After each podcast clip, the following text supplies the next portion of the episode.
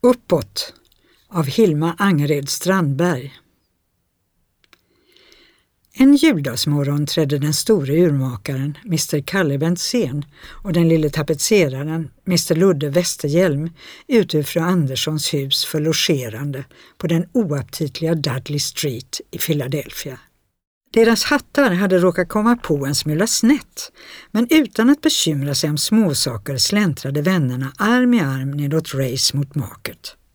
Rödmosig med tätt slutna läppar och godmodigt tindrande ögon såg urmakaren ut som vore han färdig att vid första anledning högljutt giva luft åt en inneboende allmän lyckokänsla. Däremot kastade den puckelryggige Västerhjelm sitt huvud tillbaka mellan de uppskjutna axlarna och rynkade ögonbrynen, under det han ettrigt och energiskt sökte hålla stånd mot påträngande folks knuffningar. För hans vän tog sig alltså innerligt gemytligt ut. Menigheten som andäktigt strömmade in i kyrkorna medan bodarna i strålade i frestande glans och flockar av utklädda skrattande stötte ihop i gathörnen. På herr Westerhjelm hade emellertid fru Anderssons julglögg en annan verkan. Först började han i hes, känslofullt vibrerande ton gnola kung Karl den unge Toholfte under det kinderna av undertryckt rörelse fingo en hektisk rodnad. Därpå stannade han plötsligt, fattade ett stadigt tag i kamratens knapphål och gnällde genom gatshålet. Broder Kalle, låt oss ihågkomma att detta är juldagen. En helig dag förstår du. Ta med sjutton inte något ogudaktigt svineri som det här uppkomningslandet gör det till. Hans fingrar figurerade i luften och stickande livligt for ögonen kring i vimlet. Nej du Kalle, låt oss uppsöka ett svenskt hem. Ett hem, ett vi ska ta med jäkeln gå till Holm och uppliva gamla minnen. Urmakaren brast genast i ett medgörligt skratt. Holy right, sa Den glada själen har jag inte sett på ett helt år. Han blev ett tu tre boss på verkstaden han. Vem kunde tro det? Hade dussinet före sig. Nu bor han på Green Street, hör jag, på norr. De hade redan vänt och påskyndade ovillkorligen sina steg.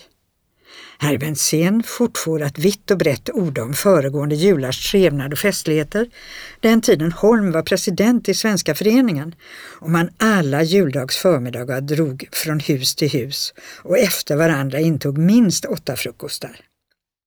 Och kors du Ludde vad det söps och sjöngs. Ovett fick man av Yankee-fruarna, men Holm tog dem han. Talar som ett geni den karln. Där Westerhjelm sirligt trippade på fick han med minnet av dessa glada stunder tårar i ögonen. Det nätta morgonruset hade givit fart åt tankarna. Det tillfredsställdes icke längre av det lilla och tillfälliga här i livet utan samlade sig och tog ansats mot det stora, hela. Fru Holm, det är ett fruntimmer. Och barnen sedan, sådana älskliga varelser. Och det säger jag dig, Kalle, att maken till fru Holms sillsallad får du aldrig i det här usla landet. Snaps på, begriper du. Och misstar jag mig inte allt för mycket, och Kalle, du känner mig, nu känner du mig. Jag säger dig att misstar jag mig inte allt för mycket så bjuder lilla frun oss efteråt på middag. Gås. Har ätit gås i det huset förr. Gud fader. Bensén skrattade lycklig. Han tyckte sig känna doften. Emellertid invände han blygsamt. Nog lovade jag mig halvt till föreningen. Föreningen bet Westerhjelm av, het av förakt. En tarvlig håla med ohyfsade uppkomlingar. Ta mig fan om det går att säga nej, Bensén. Du ska väl uppföra dig som bildad kar? Ja, Bensén försäkrade att han ämnade antaga inbjudningen. Men då kom det ögonblick då Westerhjelm av en inre fullhet drevs att lyfta den båda upp på ett bredare plan. Det är inte maten, Kalle, sa han med en röst som darrade av rörelse. Du ska inte hålla så mycket på vad vi skulle äta och vad vi skulle dricka och vad vi skulle kläda oss med. Det är ett hem, ser du. Bildningen. En kvinna som är en kvinna, ser du. Och något här. Hans giktbrutna fingrar trummade på bröstet. Uppåt, Bensén. Uppåt. Du ska vara gudfruktig, Kalle.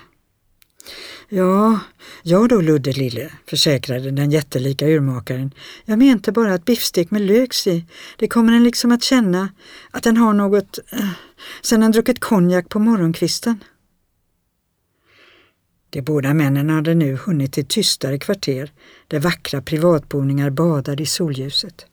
Och som de vandrade fram mellan idel högtidligt kyrkfolk på dessa oändliga stilla trottoarer började de nyktra till och försökte antaga en så korrekt hållning som möjligt. Även Bensén greps av vissa förväntningar, en obestämd längtan som kom honom att erfara något liknande blygsel vid hågkomsten av fru Anderssons flottiga kök där luften sedan tidigt på morgonen varit mättad av öldofter och mustiga historier. Green Street befanns vara en av dessa korta breda återvändsgator där på varje sida ligger en rad eleganta tegelhus, fullkomligt lika varandra med samma höga snövita trappor och blanka helglasfönster innanför vilka de vita gardinerna går ihop, lämnande rum blott för en majolkakruka med sin palmväxt. Hus efter hus är allt så minutiöst lika att man slutligen blir nervös och gripes av en stark lust att gå tillbaka för att se om det icke står till att upptäcka någon liten hugsvalande skillnad. Icke en människa syntes till och dödstystnaden avbröts endast av orgeltoner inifrån husen.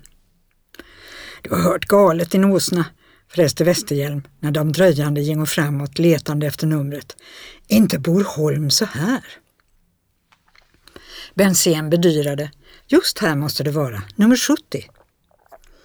Allt lika skinande blankt, gardinerna utbredda och ängsligt hopfästa med nålar och fram tittar majolika-krukan med sin växt. Ilsket skadeglad tryckte Westerhjelm på knappen. Urmakarens dumhet skulle eklatant bevisas. Orgelspelet upphörde och ett ögonblick rördes gardinen som om någon kikat ut. Därpå blev allt tyst. Men då den elektriska klockan ånyo, och nu som en stormfanfar, brusade genom huset hördes hastiga steg, dörren for upp och Holm stod där i skjortärmarna och med en förlägen blick bakom glasögonen. Åh, sa han, är det ni? Det var ju snällt. Stryk av fötterna på mattan din luns, viskade Westerhjelm när han i tamburen ivrigt slätade håret och borstade rockkragen, varpå han förbindligt bugande och med hatten i hand gjorde sitt inträde i parlorn. Här befann sig fru Holm stående mitt på golvet. Hon var tydligen förberedd, men vred sakta händerna, smålog och tycktes på det hela tveksam om vad hon borde göra. Däremot hade husets döttrar, Mina och Betty, 12 och 14 år, en avgjord uppsyn av att på något sätt ha blivit förolämpade.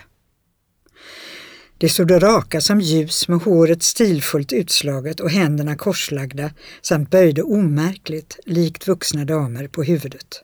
Ingen räckte det inträdande handen. Det var högtidligare än hos presidenten. Fru Holm hostade lite i sin buktade hand och sjönk ner på kanten av en stol. Bredvid satte sig döttrarna, värdigt avvisande som prästinnor. Själva rummet hade vid sig något egendomligt frostbitet. Kylighet formligen strålade ut från de fräscha svarta sammetsmöblerna och blankpolerade småborden med glänsande nya hymnböcker från kammarorgens gulglatta tangenter och den stora otända kaminen. Bensen var fullständigt slagen. Men Westerhjelm hade varit med i världen och visade sig vuxen omständigheterna. Ty sedan herr verkmästare Holm väl uttalat den ovedersägliga sanningen att vädret vore synnerligen lämpligt för en promenad, just en liten spatsertur fram och åter och den därpå följande tystnaden hotade att spränga urmakarens tulpanfärgade kinder, återknöt tapetseraren skickligt samtalet med ett galant och ledigt. Sjutton till elegant våning herrskapet skaffat sig. Den kostar nog schaber den, men vad gör man icke för de älskvärda damerna? Vilket åtföljdes av en syrlig bugning. Fröken Holms fientliga allvar kunde emellertid icke mutas. Och nu reste sig herr Holm beslutsamt och promenerade av och an som i djupa tankar medan över glasögonen sköt fram mot de båda männen en forskande blick. Därpå höjde han huvudet och började tala. Det kom i den osäkra tonen hos en predikant som nödgas ställa några allvarsord till kamraten från forna tider.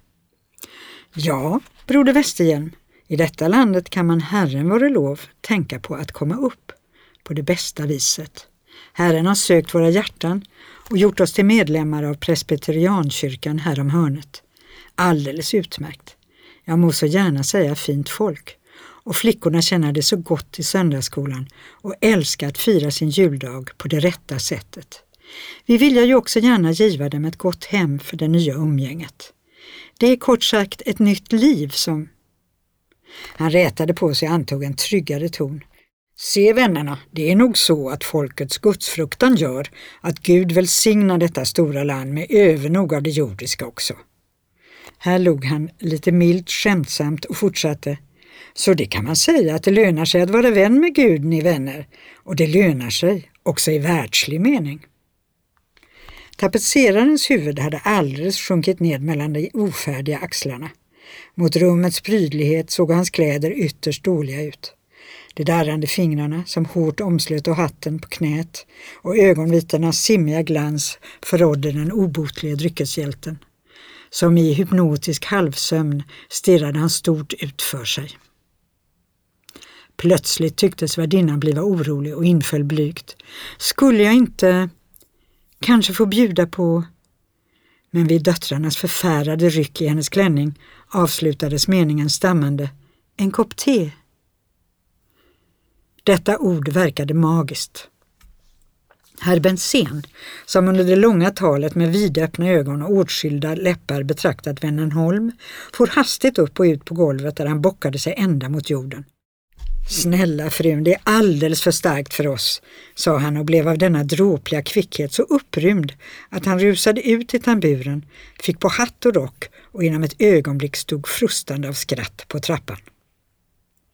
Västerhjelm var honom i hälarna, men i dörren vände han och lät bugande hatten göra en siratlig sväng inåt. Har den äran, mina damer, och låt nu för all del eder fromhets sköna orgeltoner ledsaga oss ut i den syndiga världen. Ty Ludde Westerhjelm kunde minsann vara både poetisk och bitande. Holm kom blossande ut på trappan. Det är för flickornas skull, mumlade han osäkert. Man kan inte, jag försäkrar er. Nedanför stod vännerna och såg så jäckande muntra ut. Nu ger vi oss av direkt till föreningen, sade Bensén och hoppade upp i första spårvagn. Tonen var lite myndig. Det var inte han som hittat på den misslyckade idén. Westerhjelm satt länge tyst men på hans magra kinder brunno två röda skarpa fläckar. På ömse sidor om den framilande vagnen brusade åter det världsliga livet. Plötsligt kände urmakaren ett grepp i sin arm och en gnällande röst framstötte.